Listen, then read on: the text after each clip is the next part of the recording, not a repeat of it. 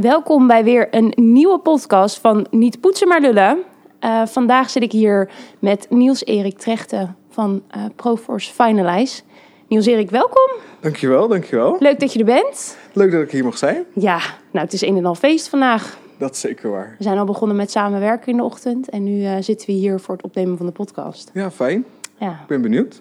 de podcast heeft vandaag als thema e-facturatie. Jij bent namelijk de persoon, heb ik me laten vertellen, op het gebied van e-facturatie binnen Proforce en Finalize.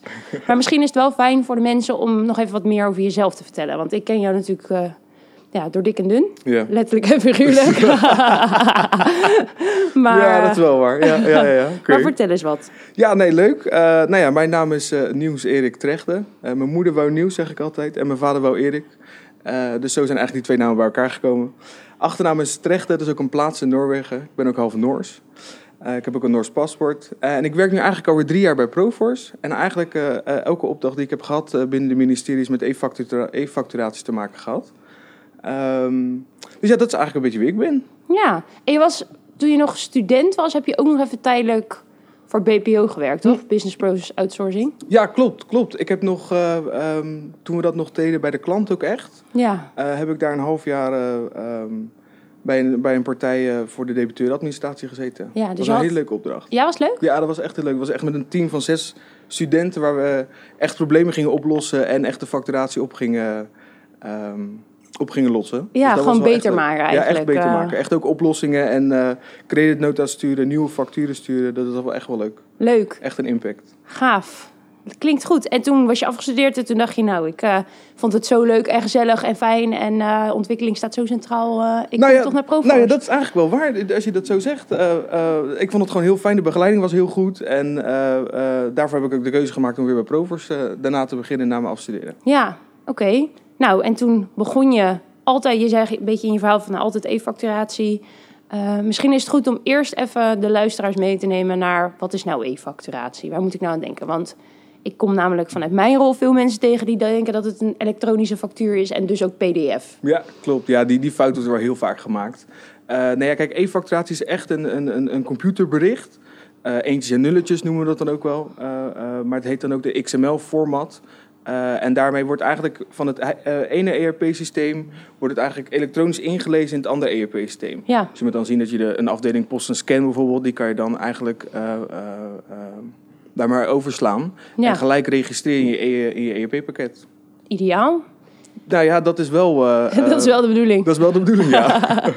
Oké, en toen um, je eerste opdracht op het gebied van e-facturatie. Klopt, ja. Mijn eerste opdracht uh, uh, was een hele leuke opdracht. Uh, we hadden een projectleider van, van Proforce, die zat daar. En ik was dan als projectmedewerker betrokken bij het aansluiten en het optimaliseren van de factuurproces. dan noemen we dat een automatische verwerking van zo'n factuur. en ik vond het gewoon heel fijn dat ik die betrokkenheid vanuit Proforce had, die mij echt heel erg meegenomen heeft. als we ook naar mijn volgende opdracht, naar mijn huidige opdracht mogen gaan, heb ik dat heel erg meegenomen. De manier waarop hij dat heeft aangepakt. Um, en dat maakt het gewoon heel leuk, ja. Ja, dus schaduwmanagement, zoals dat heet. Leren van iemand met meer ervaring heeft gemaakt dat jij nu uiteindelijk zelf in de rol van projectleider zit. Zeker, ja, zeker.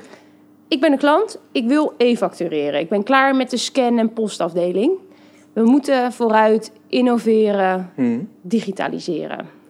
Ja. Ik bel Sam, want dat is gewoon wel mijn contactpersoon. Jij was uh, accountmanager zeker, Mij als accountmanager bellen ze dan. Ja, ja, en dan zeggen ze, heb jij nog iemand om dat voor mij te komen doen? Mm -hmm. Dan zeg ik, ja, tuurlijk. Ik heb Niels Erik.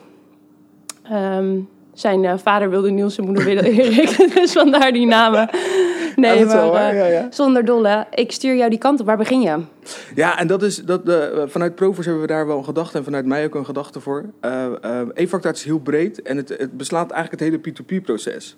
P2P-proces is natuurlijk bestellen tot betalen. Klopt, ja, purchase-to-pay-proces voor, de, voor de luisteraars. Um, en waar we eigenlijk altijd mee willen beginnen is eigenlijk een soort nulmeting. Van waar staat nu eigenlijk de organisatie uh, en wat moet er nog veranderd worden uh, om e-facturatie echt optimaal in te kunnen zetten. Want het ontvangen van een e-factuur hebben nu eigenlijk alle ministeries wel, uh, kunnen dat nu wel. Um, alleen echt nog die optimalisatieslag en het standaardiseren van je bedrijfsprocessen, ja, dat, dat moet gewoon nog heel vaak gebeuren. Dus zo'n nulmeting, dat biedt gewoon houvast en sturing om te kijken hoe kunnen we dan uiteindelijk dat verder een project neerzetten. Ja, en dan definieer je even voor mijn beeld, hè, want ik heb natuurlijk nog nooit zo'n nulmeting gemaakt. Ik laat dat vooral door de mensen doen die dat goed kunnen. Snap ik, snap ik. Ehm, m- m- definieer je dan vervolgens ook eh, toekomst, zeg maar? Van hoe nu verder na mijn nulmeting? eh, zitten daar iets van mijlpalen in die je zou kunnen behalen? Ja, zeker. Kijk, zo'n zo'n quickscan eh, noemen we het dan. Daarin willen we wel gaan kijken, oké, wat voor vervolgstappen biedt dat? En je kan niet in één keer een hele organisatie veranderen, maar dat moet je wel in stapjes kunnen doen. Ja. Dus zeker wordt in zo'n in zo'n quickscan gekeken naar, oké, als, we, als we dit doen, dan levert dat uiteindelijk over een jaar dit op. Oké, helder. En hoe lang ben je bezig met zo'n quickscan? Ja, dat ligt aan de grootte van de organisatie. Eh, eh, ik heb in een korte, eh, bij een, een waterschap heb ik een, een analyse, een quickscan neergelegd. Of in ieder geval gemaakt. Ja, En dat was binnen een maand. oké. Maar ja, als het echt een grote organisatie is, ja, dan, dan kan dat wel wat langer duren. ja. Ehm, en dat, dus het ligt echt aan de grootte van de organisatie. ja, want jij hebt nu, zit jij op een, jij zit nu op twee opdrachten. Eh, Klopt, Bij ja. twee ministeries. Zeker. Waarvan één hele grote, met een hele grote uitvoeringsorganisatie ook. Mhm. Daar doe je nu op dit moment ook de quickscan, als het ware. Ja. Eh, hoe lang ben je daar ongeveer mee bezig? Welke tijd heb je voor jezelf genomen? Nou, ik, de, de, de, de inschatting was eh, eh, 240 uur. Ja. Om daarna eerst te kijken van oké, hoe, hoe gaat dat? En dan een, een deel op te leveren.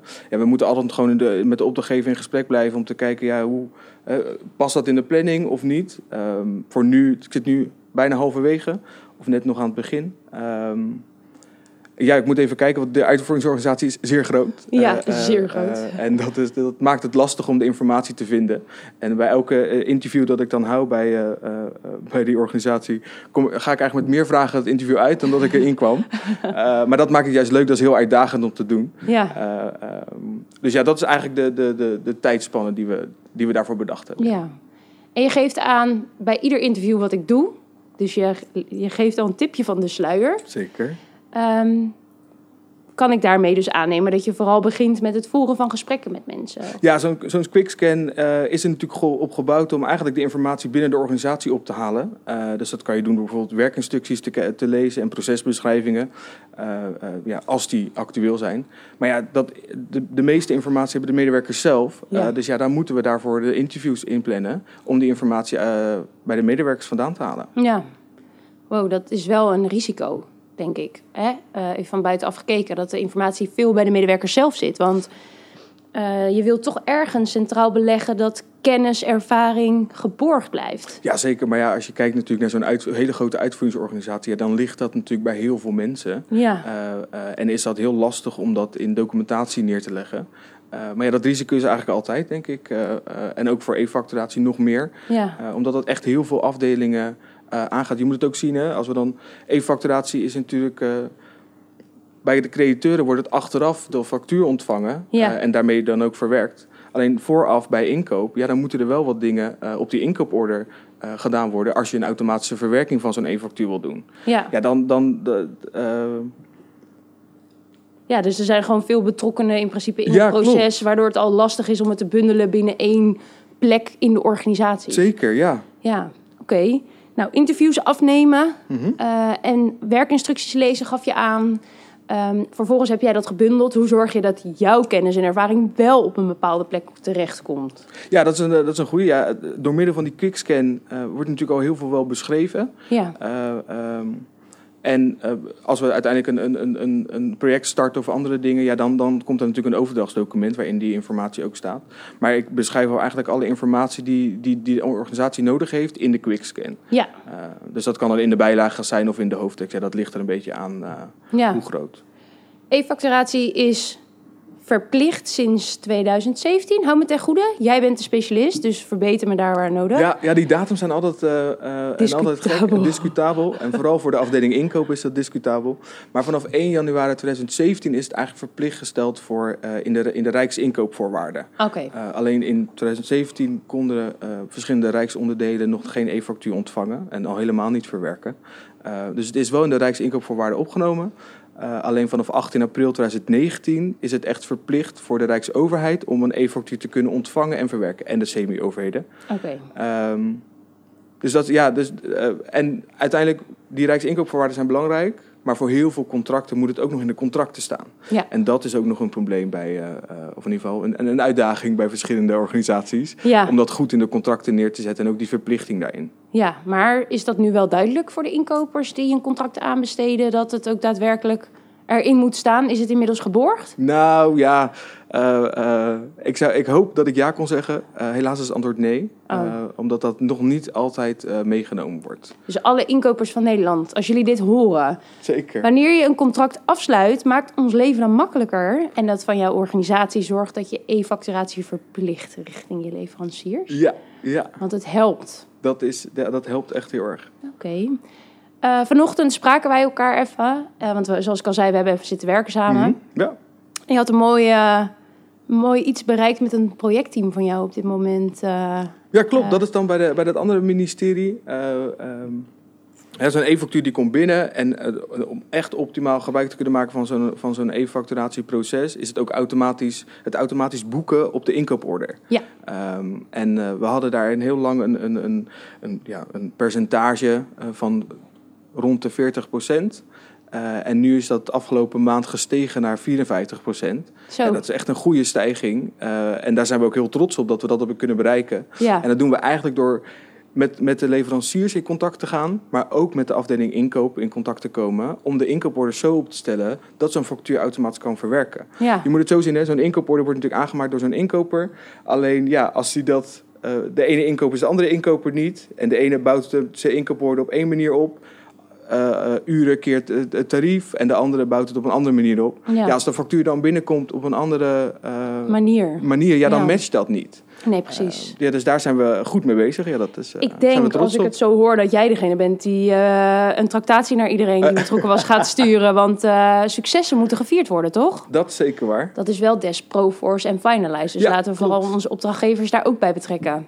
Ja. Om dat te doen. Goede taart sturen. Goede taart. Nou ja, als je naar iedereen die thuis werkt een taart moet sturen, dan worden het een hoop taarten. Maar ik zou gewoon eh, iets lekkers. Misschien Ja, een cupcake of zoiets. Maar als we nu over e-facturaties praten, hoe zie jij dat eh, als accountmanager binnen de verschillende klanten die je hebt? Nou, wat ik voornamelijk zie is dat ehm, e-facturatie, het is een beetje tweeledig. E-facturatie wordt aan de ene kant niet meer gezien als vernieuwend. Terwijl als we hem helemaal afpellen, dat eh, veel onderdelen Zeker. voldoen aan het kunnen of ontvangen en verwerken. Ja. Maar dat ze dus nog niet hebben ingezet op echt het optimaliseren van hun processen. Nee. Eh, want met een e-factuur is je doorlooptijd korter. Of tenminste, dat zou het doel moeten zijn als je kiest voor automatische matching.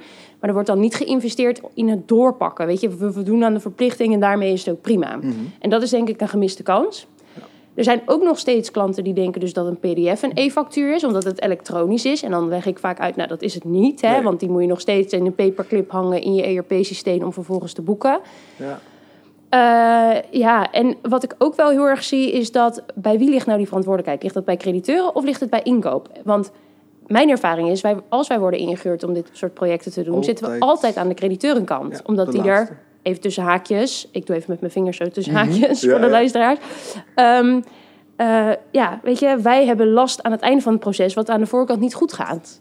Terwijl, waarom is de, part- de, de afdeling waar de verantwoordelijkheid ligt om dingen vooraf goed te regelen, zodat het proces gewoon goed hè, in een happy flow zit, Klopt. Eh, daar niet verantwoordelijk voor? Dat vind ik altijd wel typerend om te zien. eh. Ja, we gaan ja, pas iets doen als we er last van hebben. Klopt, ja, en dat merk ik nu ook heel erg. Eh, ja, inkoop die heeft er gewoon geen betrokkenheid. Ja, facturatie is crediteuren en niet onze verantwoordelijkheid. Ja, Terwijl ik zeg, ja, je stelt het wel in de contracten, als- het in de contracten staat. ja, Je stelt het wel verplicht, maar die controle erop, die is er dan niet. nee. Eh, terwijl andere controles in zo'n contract wel uitgevoerd worden. Ja, en toch zie ik dat er niet. De, de, het ontbreekt niet aan bereidwilligheid om, eh, om hè, inderdaad eh, die controle daarop te doen. Klopt. Maar het is vooral ehm, dat er mensen nodig zijn die ze meenemen in hoe kan je dat dan het beste doen. Ja. En daar ben jij natuurlijk voor. Klopt, zeker. Dus, eh, dus dat is natuurlijk ontzettend fijn. Ehm, betekent e-facturatie en de inzet daarvan ook dat werk met minder mensen gedaan kan worden? Nou, ehm, die, die vraag hoor ik natuurlijk vaker en ik denk het zeker niet. Eh, eh, ik denk dat als we, de- we zullen wel een verschuiving zien eh, van de taken die de medewerkers uit gaan voeren. Dus meer het analytische, Ja. analyse Ja, van de facturen en van het proces. In plaats van echt het boeken en het koppelen aan de inkooporder. ja dus het gaat meer van echt het boeken naar het controleren van de facturen. Wellicht kan er in de toekomst ook gekeken worden naar hoeveel geld wordt waaraan uitgegeven en wat meer, hè, in, zoals je al zei, die analyse ja, kant en optimalisatie uh, daarin. En kijken naar die inkooporders, hoe zijn ze opgebouwd, controle daarop. Ja. Uh, ja, dat zijn allemaal dingen die, die, die verschuiving zijn. Dus het ja. boeken, dat, ja, dat, dat uh, gaat nog zeker niet verdwijnen de, af, de komende jaren. Nee. maar het zal wel minder worden en het automatisch verwerken. Ja. Waarom zou ik dan gaan infactureren? Dat is een goede als we naar de leverancierskant gaan. Ja, ja dat, dat is, uh, uh, die vraag uh, het is lastig. Um, wat, het, wat het is voor een leverancier, is het echt wel een snellere doorlooptijd. Gemiddeld gezien bij de ministeries waar ik nu heb gezeten, wordt een e-factuur eigenlijk zes dagen eerder betaald. Ja. En je weet, de Rijksoverheid die betaalt zodra het kan. Ja. en dan binnen de, het liefst binnen 30 dagen. Ja, dat is natuurlijk ook een KPI die ze rijksbreed met elkaar hebben afgesproken. 95% van de facturen in 30 dagen betaald. Ja. Um, en dus voor een leverancier is dat eigenlijk een heel groot voordeel. Um, maar het, levert, het, moet, het moet wel heel veel inzet zijn voor, voor een leverancier. En we zien nu eigenlijk dat alle grote partijen uh, die aan de Rijksoverheid factureren, dat allemaal eigenlijk al wel via e-facturatie doen. Ja. Uh, maar vooral die kleinere partijen, ja, dat maakt het soms lastig om die de, om die de stap over te zetten ja. uh, naar, dat, naar dat stukje e-facturatie. En een e-factuur kan je natuurlijk op verschillende manieren uh, indienen. Ja. Um, en dat gaat eigenlijk allemaal via de digiport. Um, maar ja, die verschillende manieren, ja, dat is voor een leverancier soms even een keuze maken van ja, hoe, welke keuze ga ik maken? En het kost soms ook net wat meer geld om zo'n e-factuur in te dienen elektronisch. Ja, dus, maar begeleid jij ze daar dan wel in vanuit je rol vanuit het ministerie? Nee, ja, zeker. Wij zijn er natuurlijk wel voor om dat uh, uh, te faciliteren. Um, maar als, je, als we de manier bekijken, er zijn eigenlijk drie manieren waarop een, even, waarop een leverancier een eventuur kan indienen. Dat is eigenlijk een directe koppeling met de Digiport, dat is de, de digitale brievenbus van de Rijksoverheid. Mm -hmm. um, en er is een manier via het PEPPEL-netwerk. Uh, voor de luisteraars, een Peppel-netwerk is eigenlijk het, het, netwerk zoals we dat ook een telefoonnetwerk hebben. Ik heb bijvoorbeeld Vodafone en jij hebt uh, T-Mobile. Nee, wij kunnen allebei, maar... Nou, maar wij kunnen allebei met elkaar bellen, ja. omdat die bedrijven dat afgesproken hebben ja. in het telefoonnetwerk. Dat is eigenlijk hetzelfde met het Peppel-netwerk. Oké. Okay. Um, Twee bedrijven die, hebben daarop, die zijn daarop aangesloten en die kunnen daarop allebei uh, de factuur indienen en dan zo uiteindelijk verwerken, of in ieder geval sturen naar de Rijksoverheid. En de andere optie is nog het Digi-inkoop. Dat is eigenlijk het inkoopportaal van de, van de Rijksoverheid, ja. waar een leverancier een, een voorstelfactuur kan indienen, dus eigenlijk mm -hmm. al uh, de goedkeuring in Digi-inkoop heeft, of echt blanco uh, een factuur in een portaal kan invullen. Ja. dat kost natuurlijk wel wat meer tijd om zo'n factuur in te dienen en eigenlijk ook een dubbele administratie voor zo'n leverancier. Ja. Ja, ik zie ook wel veel reverse billing op dit moment vanuit de overheid ontstaan. Dus dat zij voor ons het factuur al opmaken en dus al uh, meteen betalen. Zonder dat wij een factuur hoeven te versturen. Zie je dat ook veel gebeuren? Uh, dan bedoel je dat in Digi-inkoop? Uh, nee, er worden wel andere platformen voor gebruikt inmiddels.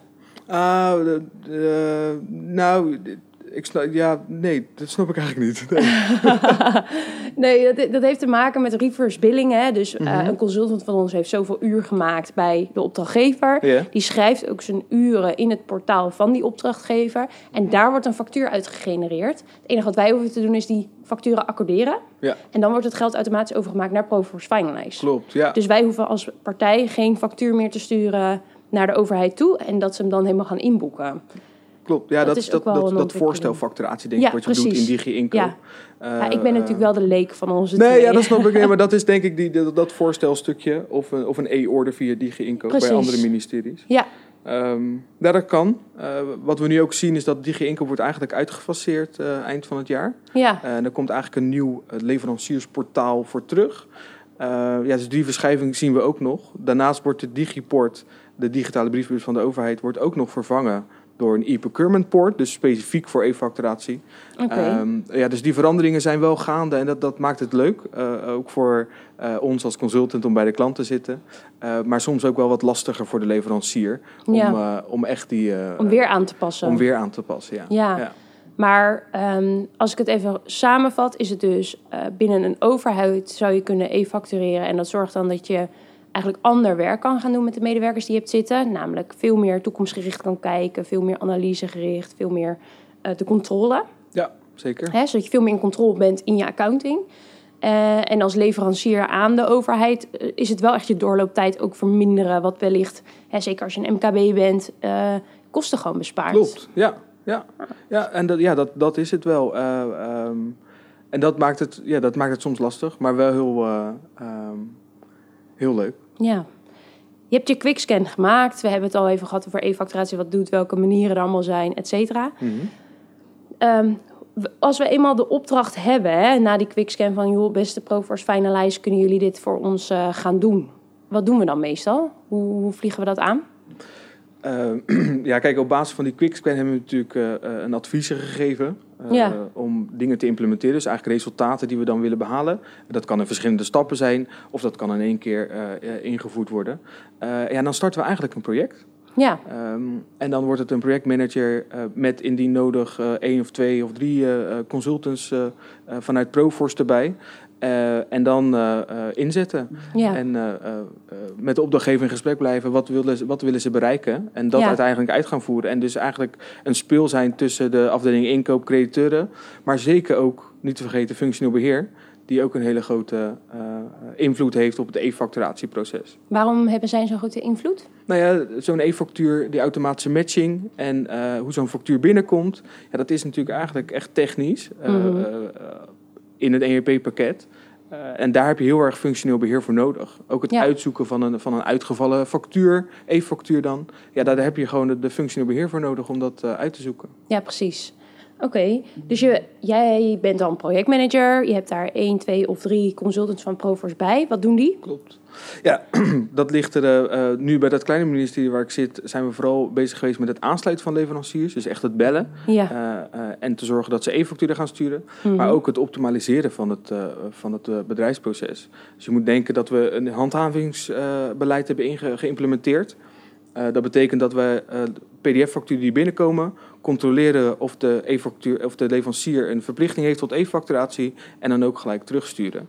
En daarnaast zien we ook nog eens, uh, hebben we ook nog een retourbeleid uh, geïmplementeerd. Ja. En een retourbeleid is op gericht om te kijken, oké, okay, zo'n e-factuur die komt binnen, maar voldoet die eigenlijk wel aan onze vereisten? Ja. Uh, dus staat er het inkooporde er goed, ook inkooporde er goed, nummer er goed op? Of staat er de, de, de, contactpersoon er goed op? Het juiste OIN-nummer, ja. overheidsorganisatie uh, overheidsidentificatienummer. Ja. Um, waar dus de juiste onderdeel van de, van de Rijksoverheid gekozen kan worden. Ja. ja dat zijn wel dingen die, uh, uh, die we dan uiteindelijk gaan uitvoeren. Uit, uitzoeken, uitvoeren en handhaven, ja. terugsturen. Om, om ervoor te zorgen dat het proces verder geoptimaliseerd kan worden. Klopt, en het stukje kennisborging binnen de organisatie. Ja, want volgens mij was je ook bezig met een overdracht of een kennisdocument. Klopt, ja. Dat heb ik dan geleerd bij, de, bij mijn eerste opdracht uh, ja. van die projectleider uh, vanuit Proforce. Om een, een intern kennisdocument op te stellen. E-facturatie is, is heel breed. Heel veel uh, kennis en heel veel dingen komen daarin voor. Um, dus dan is het goed om dat gewoon in een document op te stellen. Ja. Uh, zodat we dat in één keer over kunnen dragen naar de organisatie. Mm -hmm. Daarnaast hebben we natuurlijk ook al de medewerkers uh, begeleid en opgeleid op het stukje e-facturatie. Oké, okay, dat doe je ook nog. Je begeleidt en leidt ook nog medewerkers op. Zeker, ja. Dat ja. doe je door middel van trainingen of doe je dat om de job? Of, uh... nou, daar hebben we kennissessies voor. Okay. nu bij dat, dat kleinere ministerie waar ik zit, hebben we dan elke maand een e-facturatieoverleg. Ja. Waar we ook presenteren wat we aan het doen zijn. Ja. Ehm, maar zeker ook één op één begeleiding. Oké, okay. dat is wel uh, waardevol, denk ik. Want dan laat je ook, hè, als je op een gegeven moment vertrekt en je hebt je resultaten behaald, dat je het ook kan beleggen in de organisatie daar waar het hoort. Ja, klopt. En dat vind ik persoonlijk ook heel belangrijk. Kijk, als consultant ben je natuurlijk eigenlijk altijd. Um, uh, ben, je, ben je altijd je wil iets achterlaten. Ja, je wilt iets achterlaten, maar je, bent al, je, bent niet al, je, bent niet, je blijft er niet heel lang werken. Dus je nee. zit altijd een korte periode dat je daar werkt. Ja. Uh, dus ik wil, vind het heel belangrijk dat ook mijn kennis overgedragen wordt bij de, ja. bij de klant. Ja, we zeggen ook altijd, we moeten onszelf vervangbaar maken uiteindelijk. Dat is Eigenlijk waar. moet je ons niet meer bellen hierover en ook niet meer nodig hebben. Nee, nee. We komen wel weer als je een andere uitdaging hebt, bijvoorbeeld robotics of zoiets, uh, waar je weer verder op wil. Uh... Dat is zeker waar. Ja, lachen. Oké. Okay. En um, ja, wat, wat, uh, wat, wat gaat de toekomst brengen, e-facturatie? Hoe zie je dat voor je? Blijft het de komende jaren nog steeds een hot topic? Of? Ja, ik denk dat, uh, dat het e-facturatie zeker nog de komende vijf jaar een hot topic blijft bij de Rijksoverheid. Ja. Om echt die optimalisatieslag en het automatische verwerken en boeken van zo'n uh, van zo'n e-factuur te kunnen bewerkstelligen. Mhm. Ehm, daarnaast denk ik wel dat we op een gegeven moment eh, voor het stukje inkoop, ehm, dat daar dan meer robotics naar voren komt. Oké. Eh, eh, met, eh, met het aanmaken van een bestelling en een, en een inkooporde. ja. Maar voor het e-facturatiestukje denk ik echt nog wel dat, dat we intern en vooral tussen de afdelingen, eh, de eilandjes, politiek, dat Ja. dat eh, onderbroken moet worden. ja. En dat we daarop nog echt heel erg moeten inzetten. Ja, oké.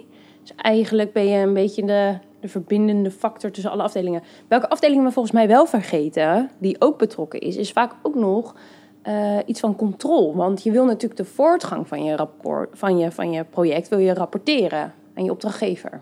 En daar moet een rapportage voor zijn, waarin je ziet hoeveel facturen komen er binnen, hoeveel van daar, daarvan zijn PDF en hoeveel daarvan zijn eh, XML. Ja. Ik heb het gevoel dat dat ook nog wel eens wordt vergeten, dat we die ook nodig hebben. Mm, Ja, zeker. Eh, of het de, of de afdeling control of management informatie of iets Ja, anders iets in die is. eh, eh, Geef een naam. Geef het een naam. dat, dat, maar ja, zeker. eh, de- Ik heb nu meerdere organisaties gezien die eigenlijk de, de rapportages op het gebied van e-facturatie dat niet, dat het niet is. Eh, en dat is denk ik heel belangrijk. Voor mij is het altijd, en dat zeg ik eigenlijk in elke quickscan die ik nu geschreven heb, eh, meten is weten. Ja, Eh, en dat principe moet echt gewoon toegepast worden om ook te kunnen kijken van ja, hoeveel facturen komen er binnen, maar ook hoeveel automatische matching van zo'n e-factuur kunnen we, eh, wordt er gerealiseerd. Ja, Ja, tuurlijk. Ja, zeker. Nou, ideaal. Oké, En hoe zie jij dat als accountmanager, het e-facturatiestukje? Hoe bedoel je dat? Nou, hoe zie je dat eh, binnen de klanten voorbij komen? Jij spreekt natuurlijk heel veel eh, organisaties. Je bedoelt de toekomst daarvan? Ja, de toekomst, ja. Ik denk dat we eerst dachten dat het niet heel innovatief meer was dus, maar dat het dat nog wel degelijk is, omdat we veel meer nog kunnen inzetten op het verder uitrollen en efficiënter maken van je processen. Ehm, ik zie de opkomst van de robotics natuurlijk ook. Eh, ook dat doen wij vanuit Proforce Finalize en kunnen we faciliteren. Ja. Jou kunnen we daar eventueel ook naartoe sturen. Ehm, dus ehm, ja, ik denk dat dat dan weer een vervolg daarop is. Eh, dat is hoe ik het een beetje zie. Ehm, ja, ik denk dat we, als ik dit zo een beetje hoor, dat we gewoon de hele wereld moeten gaan oproepen om toch even nog wat kracht achter e-facturatie te gaan zetten. Ja, en we hebben het nu eigenlijk alleen nog maar voor de Rijksoverheid gehad. Maar ik denk dat de stappen daarvoor verder eigenlijk gewoon eh, tussen de commerciële bedrijven eh, zou, gaan, Ja. zou gaan spelen. Ja, ja, dat denk ik ook. Ik denk dat eh, ik, ik hoop eigenlijk dat doordat ze zien dat ze leveren aan de overheid of semi-overheid, eh, dat die facturen heel snel betaald worden. Ja. Dat het dus ook helpt in hun proces eh, om die te verkorten. En denken, waarom doen we dit eigenlijk nog niet? Want er zijn menig eh, commercieel bedrijf eh, wat nog een factuur inscant of met de hand eh, eh, accordeert. eh, en dat is zonde. Klopt, ja. Dus ik zie je met verschrikte ogen kijken. ja, van, dat, ja, dat is zeker zo. waar. Ja, ja, dat, dat is, ja dat, het verbaast me elke keer weer als ik binnen een organisatie loop. En het is ook niet erg. En soms heeft de organisatie ook gewoon even tijd nodig om zich daarop aan te passen en mee te gaan. En soms wil je ook niet de early adapter zijn om gewoon eens te kijken van wat betekent deze nieuwe ontwikkeling. En dat is prima. Ja. Maar daarom zijn wij er om ze te helpen. Die toekomst in te treden. De poorten naar digitalisering open te zetten. Ja, Letterlijk en figuurlijk. Dus ehm, ja, ik heb wel een helder beeld. Niels, dank je wel voor je tijd. geen probleem. En eh, heel veel succes met het afronden van je twee lopende projecten. Super, dankjewel.